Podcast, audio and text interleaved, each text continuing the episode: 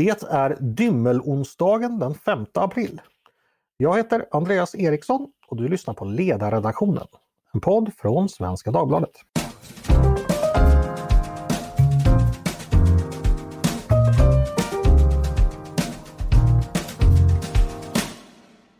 Varmt välkomna till oss igen. Påsken närmar sig med stormsteg, men vi fortsätter oförtrutet att än så länge ta hand om vardagsfrågorna här i ledarredaktionen. En sån fråga rör arbetskraftsinvandringen. En politisk fråga som har varit aktuell i många år och det där, där det nu sker mycket på politikområdet. Här finns som alla vet en del intressemotsättningar och skilda synsätt. I vilken grad ska stat och politik överhuvudtaget reglera hur människor väljer att flytta för ett nytt jobb? Eller att hur ett företag väljer att anställa? Vilka problem kan arbetskraftsinvandring föra med sig? Såväl för den som tar ett arbete själv som för resten av samhället. Hur ser å andra sidan nyttorna ut? Och hur ska dessa två vägas mot varandra på ett klokt sätt? Det ska vi fördjupa oss i idag och med mig för att göra det har jag två gäster, båda välbekanta för poddens lyssnare. Torbjörn Holle, ekonom på LO. Välkommen hit! Tack så mycket! Och Caspian Rebinder. Eh, senast du var med i podden så var du på Timbro. Numera är du arbetsmarknadsansvarig på IKEM, innovations och kemiindustrierna. Välkommen du också! Tack så mycket! Ja, ni har ju pratat om den här frågan eh, i podden tidigare, senast för ett år sedan, men det har ju hänt ganska mycket på sistone. Eh, när vi pratade förra valet, eller förra året menar jag, då var det före valet och då hade Moderaterna precis avancerat en ny riktning. Sedan dess har massor hänt. Det är dags för en avstämning igen. Vi ska börja med lite fakta i målet. Förra året, alltså 2022, beviljades drygt 24 000 uppehållstillstånd av arbetsmarknadsskäl. Eh, och till det ska också sägas då att det var ungefär 14 000 personer som fick uppehållstillstånd i egenskap av anhörig till en sån som har tagit jobb. Eh, det vanligaste yrket man får sånt tillstånd för det är bärplockare eller plantör. Eh, det var ungefär 6 000 personer. Och därefter är det IT och systemutvecklare som har ungefär, ungefär 5 000 förra året. Man kan säga att det här är lite högre än det varit senaste decenniet. Drygt 15 000 om året brukar det vara som beviljas uppehållstillstånd på grund av arbete. Alltså någonstans drygt 150 000 under, under ett decennium. Men nu är som bekant reglerna på väg att ändras. Tidöavtalet skriver så här om arbetskraftsinvandring.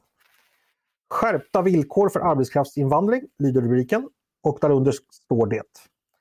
Det ska ske ett utredningsarbete som ska få i uppdrag att se över regelverket för arbetskraftsinvandring i syfte att höja inkomstgränsen.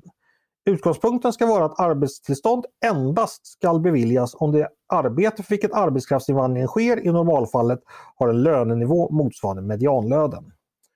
Det finns då en rad punkter om detta. Jag tänkte vi ska börja med, eh, ja vi ska gå in på detaljerna snart. Jag ska börja med någon sorts övergripande tanke här bara. Torbjörn, jag vet ju att du är skeptisk till den arbetskraftsinvandring som Sverige tidigare haft eller fortfarande har och har mm. haft i ett, ett och ett halvt decennium. Kan du bara mm. kort berätta, vad är skälet till det? Nej, men min uppfattning är att Sverige behöver eh, arbetskraftsinvandring. Alltså vi behöver där det finns tydliga kvalifikationsbrister i Sverige och där de som kommer till Sverige har tydliga kvalifikationer som efterfrågas i Sverige. Men den typ av reglering vi haft i Sverige har ju inte bidragit till den typen av arbetskraftsinvandring utan vi har ju tvärtom fått ganska okvalificerad arbetskraftsinvandring som, eh, till, yrkes, till yrken som i delar hade kunnat besättas med de som är arbetslösa i Sverige. Och eh, bland de mer eh, vanliga yrken som finns som man har kommit som arbetskraftsinvandrare till Sverige är ju köksbiträden, hemservicepersonal till exempel. Och detta är ju typiska ingångsjobb som rimligen, rimligen skulle gått till de arbetslösa i Sverige och inte till personer som man flyger in från andra sidan jorden. Okej. Okay. Eh, Tidöavtalet och det som aviseras där, är det en steg i rätt riktning tycker du?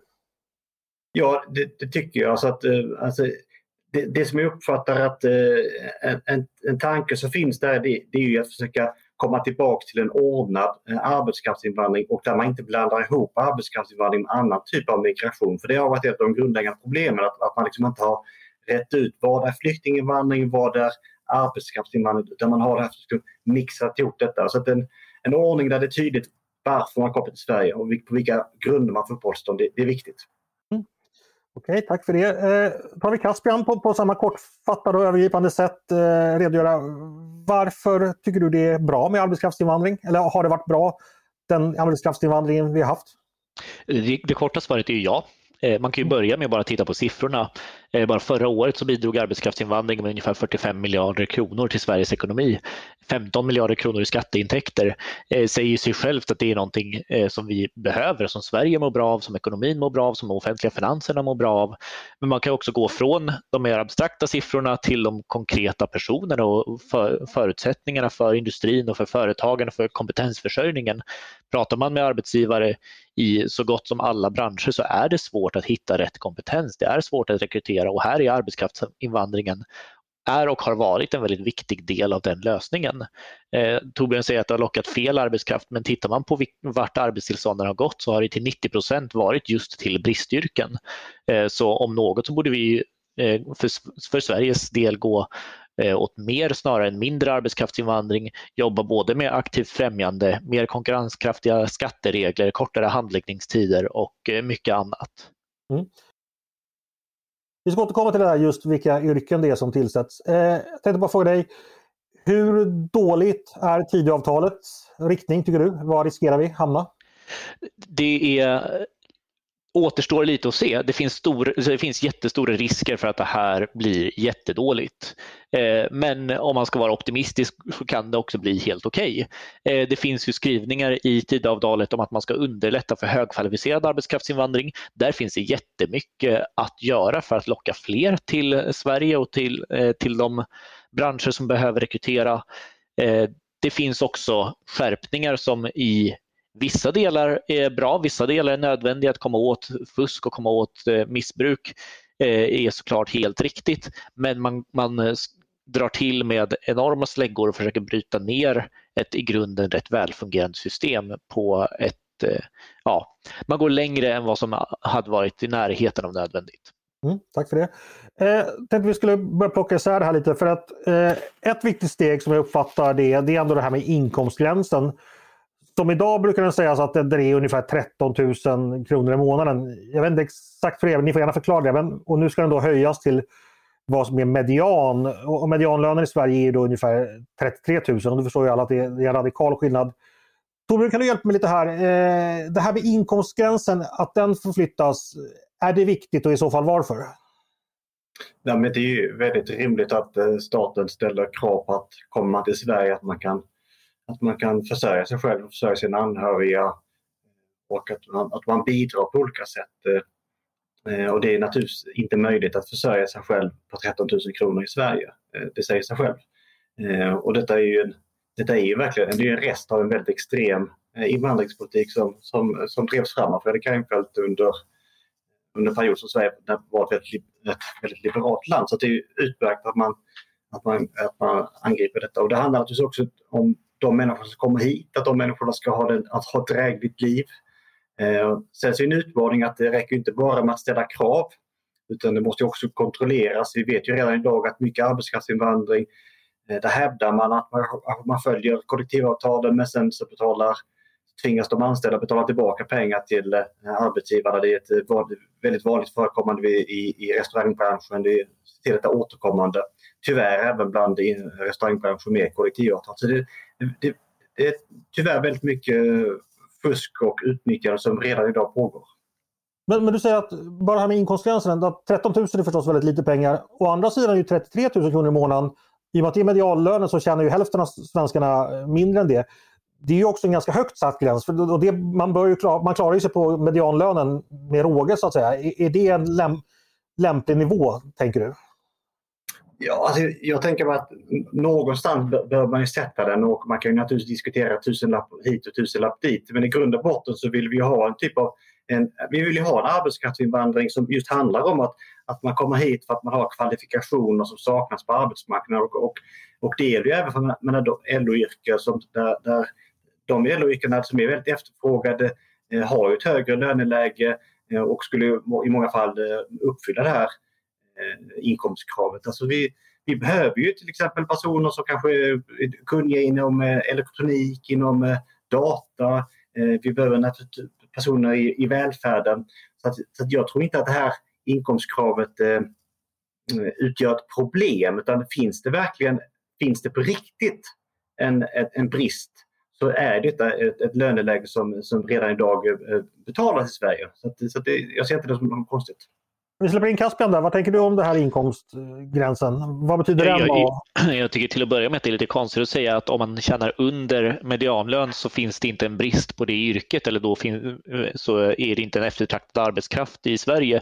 Det skulle innebära att stora delar av LO-kollektivet till exempel inte är eftertraktad arbetskraft om man går på hur Torbjörn Hålle eh, Eh, resonerar. Det, så ser ju inte jag det, så tror jag inte att eh, han skulle se det heller i andra sammanhang. Eh, sen är det värt att ha med sig hur den här gränsen funkar. För att få ett arbetstillstånd så måste man ju ha kollektivavtalsenlig nivå på, på eh, lönen, kollektivavtalsenliga eh, villkor eh, i löner och villkor. Eh, och då är det såklart ingen som har heltid för 13 000. Det finns ju inga sådana kollektivavtal i Sverige. Eh, och det är dessutom extremt få som ligger i de inkomstnivåerna överhuvudtaget. Eh, under 2020 var det ungefär ja, en bit över 100 personer som fått arbetstillstånd eh, med erbjuden månadslön på mellan 13 och 14 000 kronor. Det är ett nästan obefintligt fenomen. Eh, de som ligger relativt lågt i löner är ofta för att de jobbar deltid Eh, och får arbetstillstånd på det. Eh, och man ska också vara medveten om att för eh, anhöriginvandring så, så finns det redan försörjningskrav så det, det finns ingen möjlighet eh, att få mycket låga löner och komma hit med en hel familj till exempel.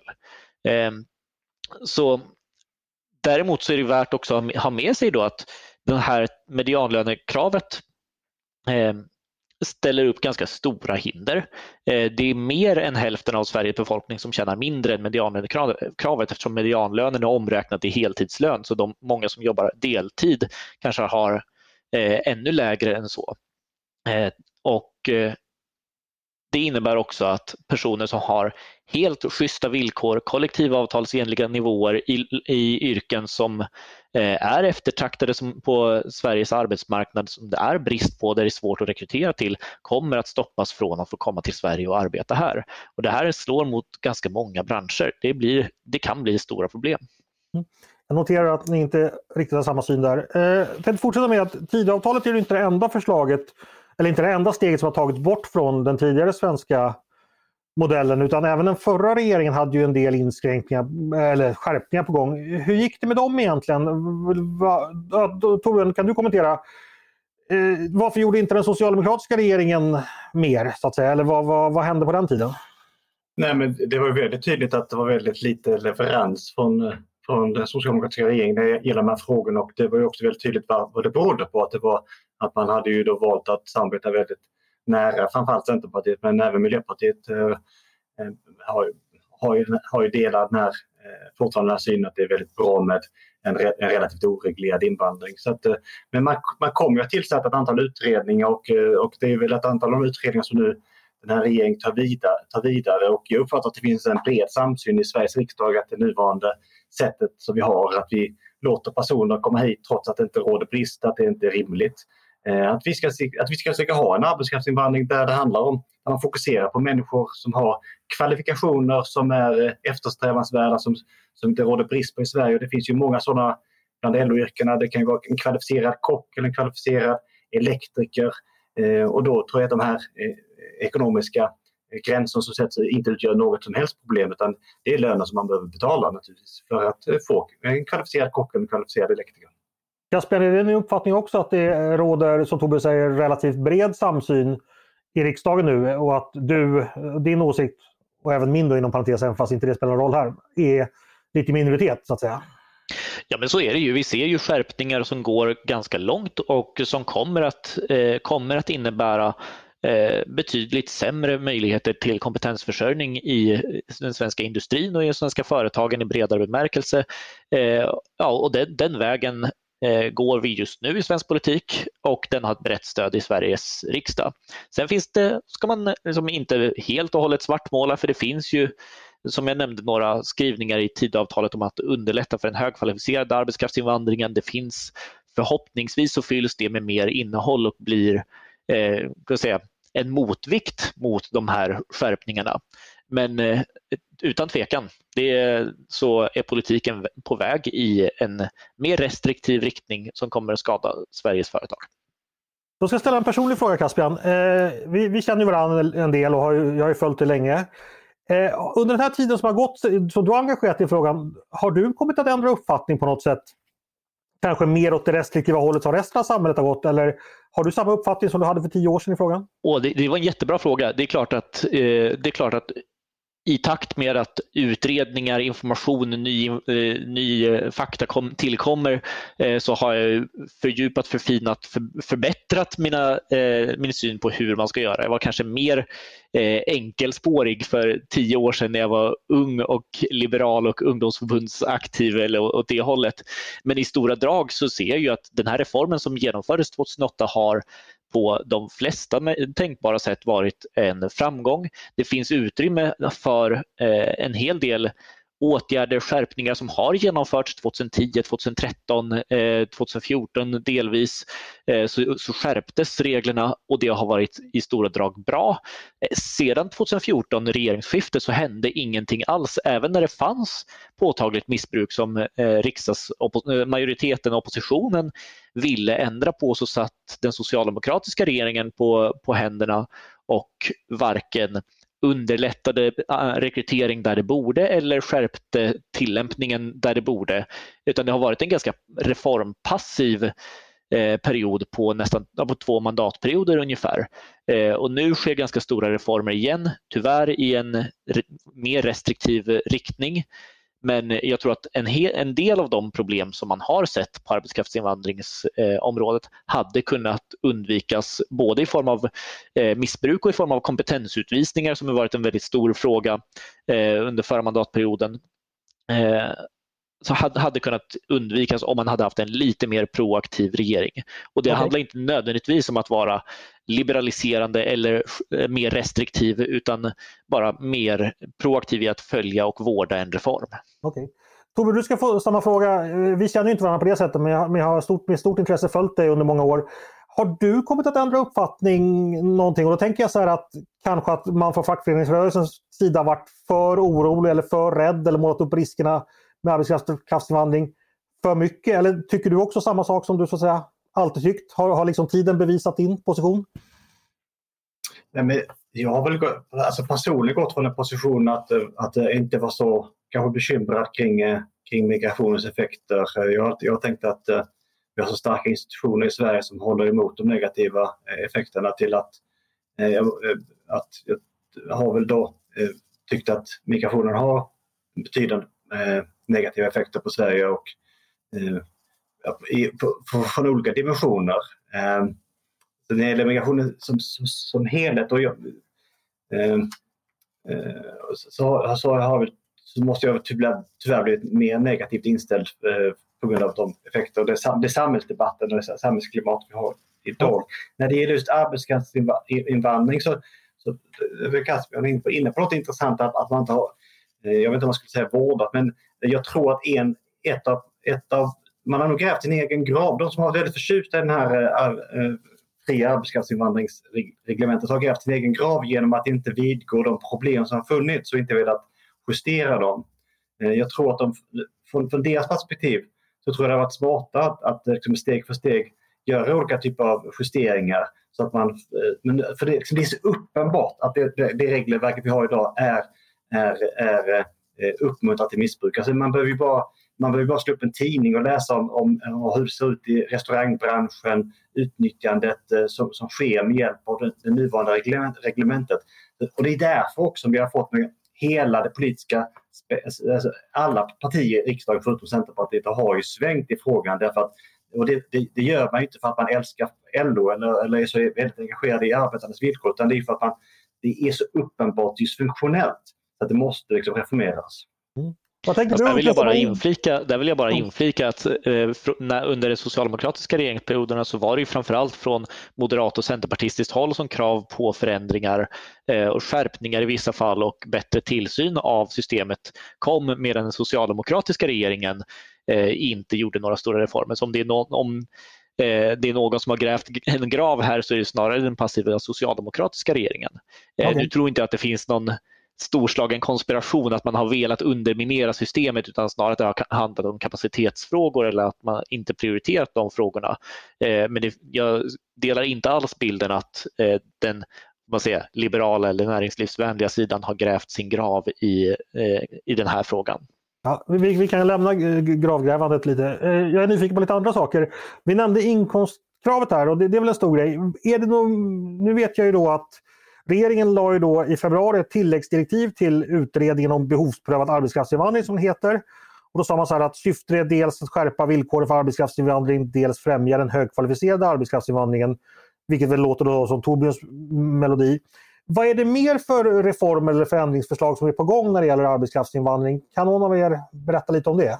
Det, det, är, det är både lönegolv och, eh, och försörjningskrav eh, som, som, som diskuteras. Ju. Mm. Eh, och sen så finns det också den här idén om att man ska peka ut specifika yrkesgrupper som liksom inte under några omständigheter får komma till Sverige. Det är inte minst då det utbredda fusket inom assistenten då, assistansen då som, som det handlar om. Det har, ju, det har ju faktiskt varit så att man har eh, alltså att eh, funktionsnedsatta eh, personer har liksom kommit till Sverige för att det sen ska liksom, och sedan har man då Eh, Eh, den vägen tagit in eh, eh assistenter. Och det, det, har ju varit ett antal uppmärksammade fall. Det är väl det som föranleder att man då eh, har förslag om att helt enkelt stoppa möjligheten till arbetskraftsinvandring till just till personlig assistans. Mm, Okej, okay, det är lite saker som är på gång. Caspian, har, har, du mer exempel på saker som, som du vet utreds som man funderar på? Ja, alltså man har ju eh, lagt uppdrag till Migrationsverket till exempel med främjande åtgärder och underlättande eh, av, eh, och det här är väl andra sidan av myntet, då, av den högkvalificerade arbetskraftsinvandringen. Eh, sen finns det ju jättemycket kritik och jättemycket problem med handläggningstider som, som har skjutit i höjden som är väldigt eh, svåra just nu där även de certifieringssystem som har funnits och de snabbspår som har funnits eh, vittnar allt fler om att de, de hjälper inte, de räcker inte utan även om man har ett eh, snabbspår i certifierad arbetsgivare som eh, har fått alla godkändstämplar, alla gröna signaler från, eh, från alla inblandade parter och inte gjort några fel tidigare så drar fortfarande rekryteringarna ut på tiden så till den grad att personer hoppar av sina processer och söker sig till andra länder, söker sig till andra företag. Det här skadar ju Sveriges konkurrenskraft, skadar ju Sveriges arbetsmarknad som helhet. Inte bara för de enskilda personerna utan eh, det får ju följdeffekter i hela företaget, i hela arbetsmarknaden på sikt. Mm. Eh, och det är ju kanske inte ett reformområde som, så mycket som ett problem men det är en del i hela det här eh, problemkomplexet med att främja och attrahera eh, vad ska jag säga, rätt arbetskraftsinvandring. De som är mest högkvalificerade och mest eftertraktade har störst positiv effekt på, eh, på eh, Sveriges ekonomi. Och, och min uppfattning är att det är, jag delar den här synen att det är väldigt problematiskt att det är så långa handläggningstider för personer där det finns liksom, eh, alltså personer som har då tydliga kvalifikationer som vi behöver i Sverige. Men min, min slutsats är liksom egentligen den, den omvända. Det att då behöver vi ha ett system där vi, liksom, där vi inte eh, samtidigt tar hit personer med, med, eh, som, som, som, som inte eh, fyller liksom, kompetensbrist i Sverige.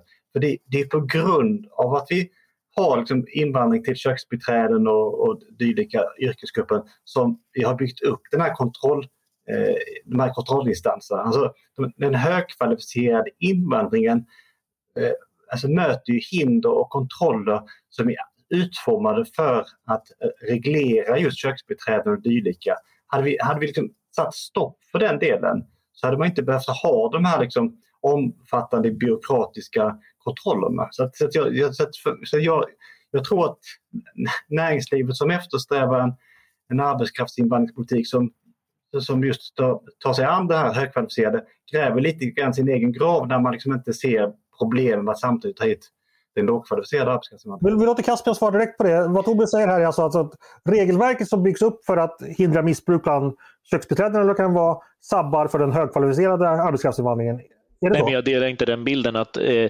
regelverken som har byggts upp har ju varit i syfte att komma åt problemen men man har inte sett överhuvudtaget den andra sidan av myntet som man har låtit, eh, låtit en eh, nitisk problemjakt sätta käppar i hjulen för både högkvalificerad och lågkvalificerad arbetskraftsinvandring. Men det här hade man ju kunnat hantera på mycket smidigare sätt, mycket bättre typer av certifieringssystem som inte hade behövt leda till långa handläggningstider eh, för någon grupp egentligen. Eh, det är dessutom så att det finns ju stora brister på arbetsmarknaden både bland eh, höginkomsttagare och låginkomsttagare. Det är dumt att ställa de här grupperna mot varandra. Sverige behöver ju hela den ekologi som näringslivet innebär, både på restaurangsidan och skogsbruket men också den, den kunskapsintensiva industrin och eh, som forskningstung tillverknings och processindustri till exempel, men också tjänstesektorn och mycket annat. Men, men Kasper, jag tror att eh, det här kokar ju väldigt mycket ner till att eh, högkvalificerad arbetskraftsinvandring verkar tämligen okontroversiellt, i alla fall om man går på orden. Utan det är andra grupper det handlar om. Varför ska Sverige rekrytera, de är Torbjörns ord, flyga hit köksbiträden från andra sidan jorden när det går hundratusentals människor utan jobb i Sverige? Vad, vad är poängen med det? Det finns ju fler poänger. Man kan ju börja med att säga att eh, väldigt, väldigt eh, väletablerat både i for, liksom teoretisk och empirisk forskning, nationalekonomisk, så tar inte arbetskraftsinvandringen jobb från personer som befinner sig i Sverige. Vi har stora problem med utanförskap. Vi har stora grupper som står utanför arbetsmarknaden. De söker sig sällan till de här jobben. Det är, inte, eh, det är jättesvårt att rekrytera till även lågkvalificerade yrkesgrupper, även eh, kockar, även eh, skogsplanterare liknande. Eh, det är branscher som inte hade klarat sig utan den internationella rekryteringen. Eh, så, och jag tycker absolut att det finns väldigt mycket att göra för att fler personer ska vilja ta de jobben i Sverige och motarbeta utanförskapet som finns och sänka trösklarna in på arbetsmarknaden, se till att fler kan eh, försörja sig själva som redan befinner sig i Sverige. Men det gör man inte genom att sätta de här stora käpparna i hjulen och eh, lägga krokben för ibland hela branscher som inte skulle klara sig utan den internationella rekryteringen. Torbjörn eh, Caspian säger här då att eh, arbetskraftsinvandrare tar inte svenska jobb för att det hade inte gått att rekrytera i Sverige oavsett ifall det är köksbiträden eller vad det nu kan vara. Vad, vad tänker du? Nej, alltså jag tror att en, en generell ingång är väl att, att, att det är sällan någon som tar jobb från någon, någon annan. Men, men man, får också, man får väl också vara lite praktisk och, och konstatera att när köksbiträden är typ ett typiskt exempel på, på, på inträdesjobb som är ett sätt liksom att få in en fot på arbetsmarknaden, bygga lite CV. Eh, och det är klart att eh, eh, det, jag tycker det är bra om, om arbetslösa i Sverige som ofta då är utrikesfödda eh, får den här möjligheten att, att visa liksom framfötterna. Eh, men jag, jag när inte heller uppfattningen att folk tar jobb från varandra men, där, men däremot så, så eh, ja, det hade, det hade varit bra. Eh, och när det gäller effekter på, på lön och sånt så, så är, det ju, är det belagt att, att, eh, att det får att de branscherna där man har en, en betydande arbetskraftsinvandring, på just de branscherna, på de yrkesgrupperna får du en negativ effekt. Det har ju norrmän som har mycket bättre forskning på detta än vad vi har, eh, har ju kunnat belägga detta. Men då, då ska man veta att det handlar framförallt om EU-invandringen. Då, att, alltså, att det finns väldigt gott om norska studier som visar effekten på norska byggjobb när eh, e EU-invandringen bidrog till att det kom många från andra länder. Eh, det, jag argumenterar inte för att man inte ska ha EU-invandring, jag bara konstaterar att den forskningen eh, visar på den, den effekten. Och det är, inte, det är inte så svårt att förstå heller. Men om du har, om du har ett yrkesgrupp där utbudet av, av arbetstagare som kan ta de här yrkena växer så får det rimligtvis effekter på lönen. Eh, mm. Det, är liksom, det är inte så konstigt. Alltså om vi tar det här, den största gruppen då, bärplockare. Eh, om det inte skulle komma arbetskraftsinvandring av bärplockare till Sverige, inte fan skulle 6 000 personer från utanförskap i storstäderna åka upp och bli bärplockare. Nej, jag brukar aldrig heller lyfta fram bärplockarna som... Nej, som men det bara så jag har det klart för oss. Att det... Eh, utan, utan det är liksom typiskt, det, det, det är väldigt specifikt, eh, för det handlar om säsongsarbete och det handlar om då, då, då behöver du bygga upp väldigt tydliga strukturer för att klara av detta. Utan jag brukar snarare fokusera på mer så här, eh, alltså, ja, köksbiträdena, den typen av yrkesgrupperna som, som ligger på 10 topplistan.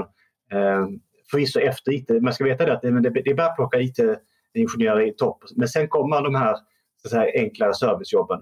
Eh, där, där är det min uppfattning att det är helt fel tänkt att, att vi flyger in folk från andra sidan jorden för att ta de här jobben. Okay. Eh, Kasper, vill du säga något om eh, det här med lönerna som, som Torbjörn tog upp? Ja, men någonting kort om båda de här frågorna. Då. Allra först den forskning Torbjörn nämner om det norska exemplet, men det finns också liknande andra, eh, andra studier. Det handlar ju om när det är storskalig, eh, storskalig invandring utan någon som helst form av lönekrav.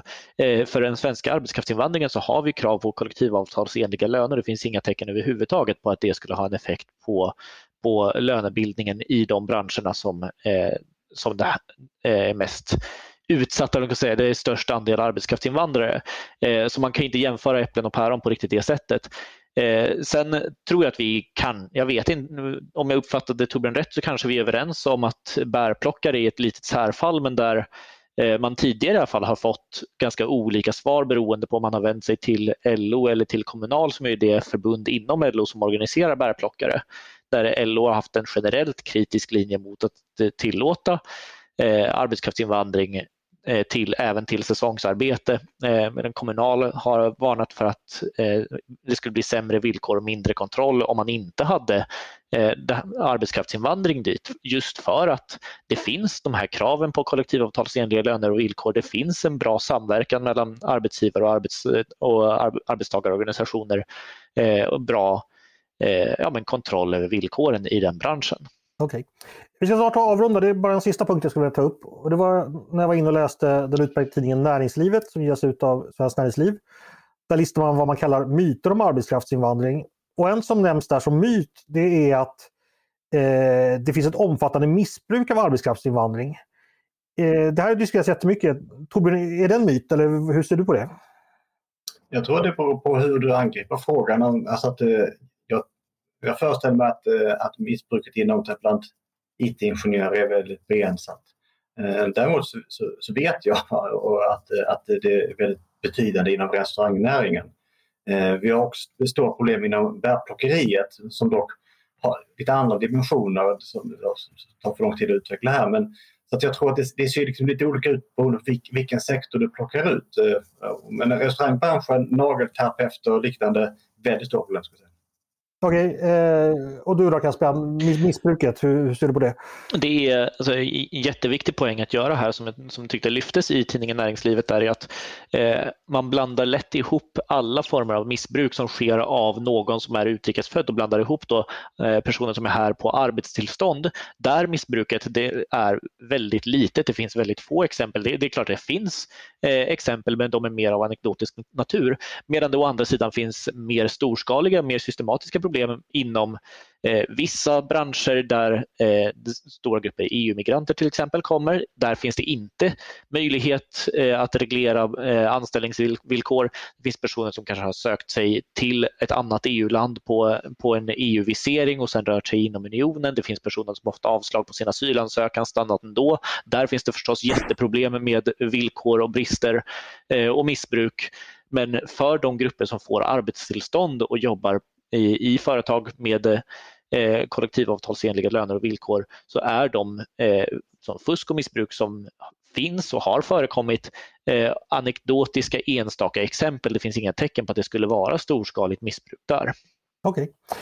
Eh, ja, det får nästan bli slutord. Jag, tycker vi, jag tror vår tid är upp, uh, ute nu och jag tror vi har hunnit avhandla i alla fall lite av det som finns att säga om den här frågan. Det finns förstås mycket, mycket annat och det får vi göra någon gång i framtiden. Stort tack Torbjörn Holle och Caspar Rebinder för att ni kom och pratade med mig idag. Tack så mycket. Tackar. Tack till er som har lyssnat också på Ledarredaktionen. En podd från Svenska Dagbladet. Ni är varmt välkomna att höra av er till oss med tankar och synpunkter på det vi precis har diskuterat. Eller om ni har idéer och förslag på det vi ska ta upp i framtiden. Maila då bara till ledarsidan snabela svd.se.